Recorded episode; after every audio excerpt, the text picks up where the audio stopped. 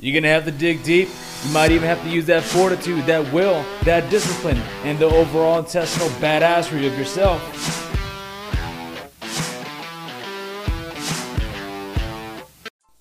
Hey, hey guys, it's Rico on the radio. Thanks for joining in. Hey, if you guys haven't checked out the book, The Rise of the Vetrepreneur, Fortitude and Grit, check it out on Amazon. I hope you guys like it. I spent about a year doing it. It's on sale right now for 99 cents. You can do the published one or the printed published one for $5. It's really up to you. And I'll have the audio book out here shortly, okay? In the meantime of that, I'll be releasing short little videos of each chapter, the pain chapter, the fortitude, the discipline, and whatnot. And I hope that all these show big, big value to you guys and what you guys can get through, okay? Hey guys, so today's chapter is about minding my own business, right? A lot of times, uh, I'll see your friends hanging out on Instagram or Snapchat or Facebook, and they're like, "Hey Rico, we miss you." And I'm like, "That's cool. I miss you guys too." And trust me, I want to be out there, but I'm too busy minding my own business, um, and it sucks sometimes because you're alone.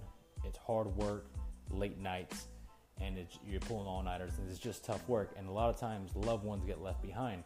But in the process of minding my own business, I've learned to create books like Battlefield Parenthood, The Rise of the Vetrepreneur, doing my podcast, doing the YouTube channels, and all this is specifically to for the veteran community to upbring them, upgrade them, and math it up to make sure it makes sense, right?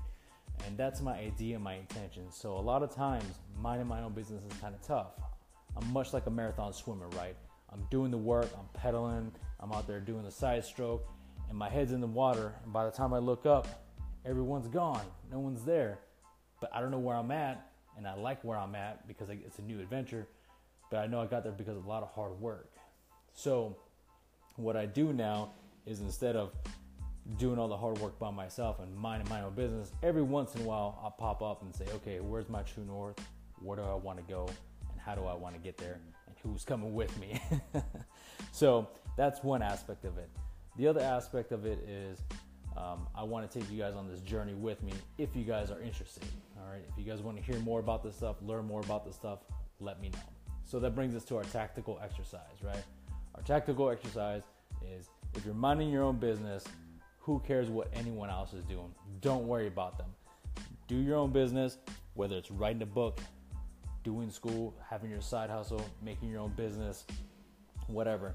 Don't worry about what everyone else is doing because they're going to be doing the exact same shit and you're going to be doing your own thing. It's going to be a lot of hard work, it's going to be a lot of late nights. Just get used to it, okay? But nonetheless, mind your own business. Thanks for listening on the Rico on the radio.